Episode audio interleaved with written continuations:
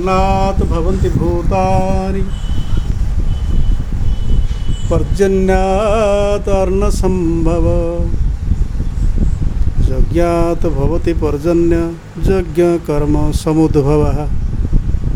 गीता, कर्मयोग। ଯେ ଅର୍ଣ୍ଣରୁ ସମସ୍ତ ଭୂତଗଣ ପ୍ରାଣୀଗଣ ସୃଷ୍ଟି ହେଇଛନ୍ତି ସେଇଥିରେ ବଞ୍ଚନ୍ତି। ଯାହାକି ଆମର ତୈତ୍ରୀୟ ପରିଷଦରେ କୁହାଗଲା ଅର୍ଣ୍ଣେନ ଜାତାନି ଜୀବନ୍ତି। ଅନ୍ନାଥ ହି ଏବ ଖଳୁ ଇମାନି ଭୂତାନି ଜାୟନ୍ତେ। ଅର୍ଣ୍ଣେନ ଜାତାନି ଜୀବନ୍ତି। ଅର୍ଣ୍ଣମ ହି ପ୍ରୟନ୍ତ୍ୟଭି ସମ୍ବିସନ୍ତି ଅର୍ଥ ତୈତ୍ରୀୟ ଉପନିଷଦ ଭୃଗୁବଲ୍ଲୀରେ କୁହାଯାଇଛି। ଭୃଗୁ ଋଷି ତାଙ୍କର ବାପା ହେଉଛନ୍ତି ବରୁଣ। ସେ ବଡ଼ ଆଚାର୍ଯ୍ୟ ଥିଲେ। ଗୁରୁକୁ ଯେତେବେଳେ ଗଲେ ଅନ୍ୟ ସନ୍ନ୍ୟାସୀ ଅନ୍ୟ ଋଷିମାନଙ୍କ ପାଖକୁ ଦୀକ୍ଷା ଗ୍ରହଣ କରିବା ପାଇଁ ଭୃଗୁ ଋଷି ତାଙ୍କୁ ସନ୍ନ୍ୟାସୀ ଗଣ କହିଲେ? ଆରେ ତୁମେ କ'ଣ ଆମେ କ'ଣ ତୁମକୁ ଇଏ କରିବୁ? ତୁମର ବା ପିତା ହେଉଛନ୍ତି ସବୁଠୁ ବଡ଼ ଶ୍ରେଷ୍ଠ ଋଷି।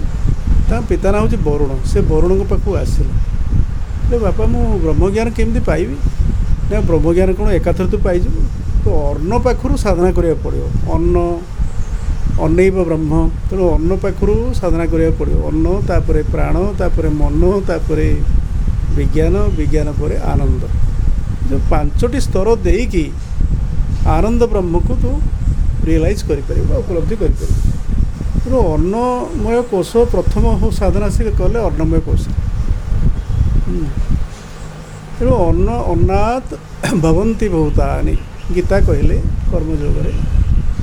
ଅନ୍ନାତ୍ ଭବନ୍ତି ଭୂତାନି। ଅନ୍ନ ମାନେ ଯାହା ଆମେ ଖାଉ ତାହା ହେଲା ଅନ୍ନ।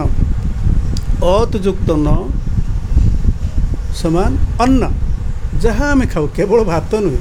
ଏଇ ଭାତ ଡାଲି ରୁଟି ତରକାରୀ ଶାଗ ପତ୍ର ଇତ୍ୟାଦି ଇତ୍ୟାଦି ଆମେ ଯାହା ଖାଉ ସବୁ ହେଲା ଅନ୍ନ ଫଳମୂଳ ଇତ୍ୟାଦି। ଏ ଅନ୍ନ ଖାଇଲେ ଆମ ଶରୀର ପୁଷ୍ଟ ହୁଏ ଆମେ ବଂଶୀର। ତେଣୁ ଅନ୍ନ ଇବ ବ୍ରହ୍ମ ତେଣୁ ଅନ୍ନକୁ ବ୍ରହ୍ମ କୁହାଗଲା। ଇଏ ଅନ୍ନ ଆସିଲା କେଉଁଠୁ? ନା ଅନ୍ନାତ ଭବନ୍ତି ଭୂତାନି ପର୍ଜନ୍ୟାତ ଅନ୍ନ ସମ୍ଭବ। ଅନ୍ନ ଯେଉଁ ଆମେ ଖାଉଛେ ସେ ଆମେ ଗଛରୁ ପାଉଛେ। ମୁଖ୍ୟତଃ ମୁଖ୍ୟତଃ ଆମେ ବୃକ୍ଷରୁ ପାଉଛେ। ଇଏ ବୃକ୍ଷ ବଞ୍ଚି ରହିଲେ ସିନା ଆମକୁ ଫଳ ଦେବ ଫୁଲ ଦେବ ଫଳ ଦେବ ପତ୍ର ଦେବ। ତେଣୁ ଏ ପତ୍ର ପୁଷ୍ପ ଫଳ ବୃକ୍ଷର ସମ୍ଭବ ହେଇଛି ପର୍ଜନ୍ୟ ଯୋଗୁଁ ମେଘ ଯୋଗୁଁ। ମେଘ କେମିତି ସୃଷ୍ଟି ହେଲା? ମେଘ ସୃଷ୍ଟି ନହେଲେ ବୃଷ୍ଟି ହେବନି ତେଣୁ ଆଗେ ମେଘ ସୃଷ୍ଟି ହେବାର ଅଛି। ଆଉ କାଳିଦାସ ବର୍ଷା କାବ୍ୟରେ ଲେଖିଲେ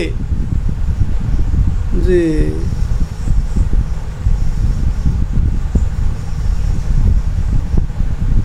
ନବମାସ ଧୃତଂ ଗର୍ଭଂ ଭାସ୍କରସ୍ୟ ଗଭସ୍ଥିବି ପିତ୍ୱା ରସಂ ସମୁଦ୍ରାଣାମ ଦେହ ପ୍ରସୂତେ ରସାୟନମ୍ ରାମଚନ୍ଦ୍ର ଲକ୍ଷ୍ମଣକୁ କହୁଛନ୍ତି ବର୍ଷା ବର୍ଷା କାବ୍ୟରେ କାଳିଦାସ ଲେଖିଛନ୍ତି ଯେ ଆକାଶ ରୂପୀ ନାରୀ ସେ ଗର୍ଭବତୀ ହେଲା ନଅ ମାସ ଧରି ଗର୍ଭବତୀ ହେଲା। ନଅ ମାସ ଧରି କ'ଣ ହେଲା? ନା ସୂର୍ଯ୍ୟଙ୍କ କିରଣ ମାଧ୍ୟମରେ ସେ ସମୁଦ୍ର ନଦୀ ଜଳାଶୟର ରସକୁ ବାଷ୍ପ ଆକାରରେ ଶୋଷିଲା। ଶୋଷିକି ଗର୍ଭବତୀ ହେଲା।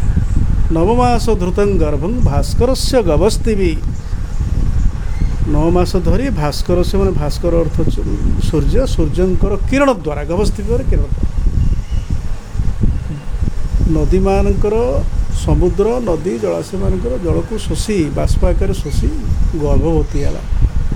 ନଅ ମାସ ଧରି ଗର୍ଭବତୀ ହେଲା। ନବମାସ ଗର୍ଭଂ ଭାସ୍କର ସେ ଗବସ୍ଥିତି ପିତ୍ୱା ରସମ ସମୁଦ୍ରାଣମ ସମୁଦ୍ର ରସକୁ ପାନ କରି କେବଳ ସମୁଦ୍ର ନୁହେଁ ସବୁ ଜଳାଶୟ ପାନ କରି ଗର୍ଭବତୀ ହେଲା ଏବଂ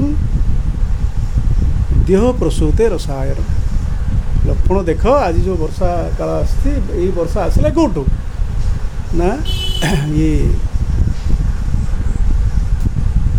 ଆକାଶ ରୂପୀ ନାରୀ ଆଜି ବର୍ଷା ମାନେ ଦେଉଛି ଏଇ ମେଘ ସୃଷ୍ଟି ହେଲା ମେଘରୁ ବର୍ଷା ସୃଷ୍ଟି ହେଉଛି ତେଣୁ ଯଜ୍ଞାନ୍ତ ଭବତି ପର୍ଜନ୍ୟ ତେଣୁ ହଁ, ଅନ୍ନାତ ଭବନ୍ତି ଭୂତାନି ପର୍ଜନ୍ୟାତ ଅନ୍ନ ସମ୍ଭବ ଏ ପର୍ଜନ୍ୟ ମାନେ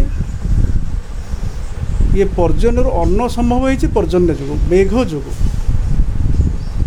ଯେ ସୂର୍ଯ୍ୟ ହେଉଛନ୍ତି ସବୁଠୁ ଶ୍ରେଷ୍ଠ ଯଜ୍ଞକାର ଏ ସବୁ ଯଜ୍ଞ ଚାଲିଛି। ଯଜ୍ଞ ମାନେ ହେଉଛି ଯେକୌଣସି ଶ୍ରେଷ୍ଠ କର୍ମ। ଅନ୍ୟର କଲ୍ୟାଣ ପାଇଁ ଯାହା କରାଯାଏ ତାହା ହେଲା ଯଜ୍ଞ। ତେଣୁ ସବୁଠାରୁ ବଡ଼ ଶ୍ରେଷ୍ଠ ଯଜ୍ଞକାର ହେଉଛନ୍ତି ସୂର୍ଯ୍ୟ ପ୍ରତି ମୁହୂର୍ତ୍ତରେ ଜଳୁଛନ୍ତି ଆଲୋକ ଉତ୍ତାପ ଦେଉଛନ୍ତି। ତେଣୁ ସୂର୍ଯ୍ୟ ହେଉଛନ୍ତି ଶ୍ରେଷ୍ଠ ଯଜ୍ଞକାର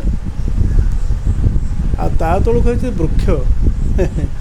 ଇଏ ବୃକ୍ଷ ମଧ୍ୟ ହେଉଛନ୍ତି ଆଉ ଗୋଟେ ଶ୍ରେଷ୍ଠ ଯଜ୍ଞକାର ଇଏ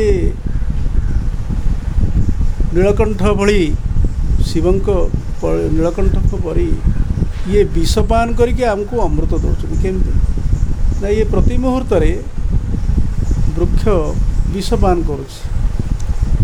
ଅଙ୍ଗାରକାମ୍ଳ ପାନ କରୁଛି ଅମ୍ଳଜାନ ଦେଉଛି ଅମୃତ ଆମକୁ ଦେଉଛି ଜୀବନ ଶକ୍ତି ଆମକୁ ଫଳମୂଳ ଦେଉଛି ପତ୍ର ଦେଉଛି ଫଳମୂଳ ଦେଉଛି ତେଣୁ ଇଏ ବି ବୃକ୍ଷ ଏକ ମଧ୍ୟ ଶ୍ରେଷ୍ଠ ଅନ୍ୟତମ ଶ୍ରେଷ୍ଠ ଯଜ୍ଞକାର ତେଣୁ ଏ ଯଜ୍ଞ ଚାଲିଛି ଅନ୍ନାତ ଭବନ୍ତି ଭୂତାନି ଇଏ ଅନ୍ନ ଆସିଲା କେଉଁଠୁ ନା ବୃକ୍ଷ ପାଖରୁ ଆସିଲା ମୁଖ୍ୟତଃ ବୃକ୍ଷ ପାଖରୁ ଆସିଲା ଇଏ ବୃକ୍ଷ ଏଇ ଯେଉଁ ଅନ୍ନ ଆମକୁ ଦେଲେ ସେ ଆଣିଲେ କେଉଁଠି ନା ପର୍ଜନ୍ୟାତ ଅନ୍ନ ସମ୍ଭବ। ଇଏ ବୃଷ୍ଟିରୁ ସମ୍ଭବ ହେଇପାରିଲା। ପର୍ଜନ ମାନେ ମେଘ। ମେଘରେ ମେଘ ମେଘଟା ଯେତେବେଳେ ଆମକୁ ସଜଳ ମେଘ ଆମକୁ ବୃଷ୍ଟିଦାନ କଲା ଆମେ ତେଣୁ ଆମେ ପାଇଲେ ପାଣି ପାଇଲେ ତେଣୁ ସାରା ଉଦ୍ଭିଦ ଜଗତ ପୁଷ୍ଟ ହେଲା ଆମକୁ ଆମକୁ ଖାଦ୍ୟ ଦ୍ୱାରା ପୁଷ୍ଟି ସାଧନ କରିଲା ତେଣୁ ଅନ୍ନାତ ଭବନ୍ତି ଭୂତାନି ପର୍ଜନ୍ୟାତ ଅନ୍ନ ସମ୍ଭବ। ଇଏ ପର୍ଜନ୍ୟ ବା ମେଘ ଆସିଲା କେଉଁଠୁ? ନା ଯଜ୍ଞାତ ଭବତି ପର୍ଜନ୍ୟ ଏଇ ଯଜ୍ଞ ମାଧ୍ୟମରେ ଯଜ୍ଞ ମାନେ କେବଳ ଯେ ଘୃତ ଯଜ୍ଞ ଦ୍ୱାରା ଯେଉଁ ଯଜ୍ଞ କରାଯାଏ ଘୃତ ଦ୍ୱାରା ସେଇଟା କେବଳ ଯଜ୍ଞ ନୁହେଁ। ଘୃତ ଦ୍ୱାରା ଘୃତ ହେଲେ ବର୍ଷା ସୃଷ୍ଟି ହେବ। ସେଟା ଠିକ୍। କିନ୍ତୁ ତା ସହିତ ଯଜ୍ଞ କହିଲା ମାନେ ମଣିଷର ଭଲ କର୍ମ। ମାନବ କଲ୍ୟାଣ ଅର୍ଥରେ ଯେଉଁ କର୍ମ କରାଯାଏ ତାହା ହିଁ ଯଜ୍ଞ। ଇଏ ସବୁ ସମ୍ମିଳିତ। ତେଣୁ ସବୁ ଯଜ୍ଞାନ୍ତ ଭବତି ପର୍ଜନ୍ୟ ଯଜ୍ଞ କର୍ମ ସମୁଦ୍ଭବ ତେଣୁ ଇଏ ସମସ୍ତଙ୍କର ଆମର ସମ୍ମିଳିତ କର୍ମ। ସମସ୍ତଙ୍କର। ମାନବ ସମାଜର ସମ୍ମିଳିତ କର୍ମରୁ ସୃଷ୍ଟି ହୁଏ ଯଜ୍ଞ। ତା ଭିତରେ ଆମେ କିଛିଟା ହୁଏତ ପ୍ରକୃତିରେ ବିପର୍ଯ୍ୟୟ ସୃଷ୍ଟି କରୁ ସେଇଥିପାଇଁ ବିପର୍ଯ୍ୟୟ ସୃଷ୍ଟି କରିବା ଯୋଗୁଁ ସେଇଟା ପ୍ରକୃତ ଯଜ୍ଞ ହେଇପାରୁନି। ମାନବର ସବୁ ଶ୍ରେଷ୍ଠ କଲ୍ୟାଣକାରୀ କର୍ମ ହେଉଛି ଯଜ୍ଞ। କିନ୍ତୁ ମଣିଷ ବୃକ୍ଷ କାଟ ବୃକ୍ଷ ଛେଦନ କରୁଛି। ଆମେ ଗଛ କାଟି ଦେଉଛେ। ଗଛ କାଟିବା ଯୋଗୁଁ ପ୍ରକୃତିରେ ବା ପର୍ଯ୍ୟାବରଣରେ ସନ୍ତୁଳନ ନଷ୍ଟ ହେଉଛି। ତାଦ୍ୱାରା ଆମେ ବହୁତ କିଛି ଭୋଗୁଛେ ଯେ ଯେଉଁ ଆଜି ସୁନାମି ହୁଡ଼ୁହୁଡ଼ୁ ବାତ୍ୟା ଉଁ, ଫାଇଲିନ୍ ଅମ୍ଫନ୍ ଇତ୍ୟାଦି ଇତ୍ୟାଦି ଯେଉଁ ସୃଷ୍ଟି ହେଇଛି ବା ଭୂମିକମ୍ପ ବା ଯାହା ସବୁ ବନ୍ୟା ମରୁଡ଼ି ଇତ୍ୟାଦି ଇତ୍ୟାଦି ସୃଷ୍ଟି ହେଇଛି ପ୍ରକୃତିରେ ଯେଉଁ ସନ୍ତୁଳନ ନଷ୍ଟ ହେବା ଯୋଗୁଁ ସେଥିପାଇଁ ମଣିଷ ଦାୟୀ। ମଣିଷ ଯଦି ତାର କର୍ମ ଠିକ୍ ଭାବରେ କରିବ ସେଇ ଶ୍ରେଷ୍ଠ କର୍ମ ହିଁ ଯଜ୍ଞ। ତେଣୁ ଯଜ୍ଞ ମଣିଷର କର୍ମ ସମୁଦ୍ଭବରୁ ସୃଷ୍ଟି ହୁଏ। ମଣିଷ ଯଦି ଏ ପ୍ରକୃତି ସନ୍ତୁଳନ ରକ୍ଷା କରିପାରିବ ତାହା ହିଁ ହେବ ଶ୍ରେଷ୍ଠ ଯଜ୍ଞ ଏବଂ ମାନବ କଲ୍ୟାଣ ହେବ ବିଶ୍ୱରେ ଶାନ୍ତି ପ୍ରତିଷ୍ଠିତ ହୋଇପାରିବ। ଓମ୍ ଶାନ୍ତି।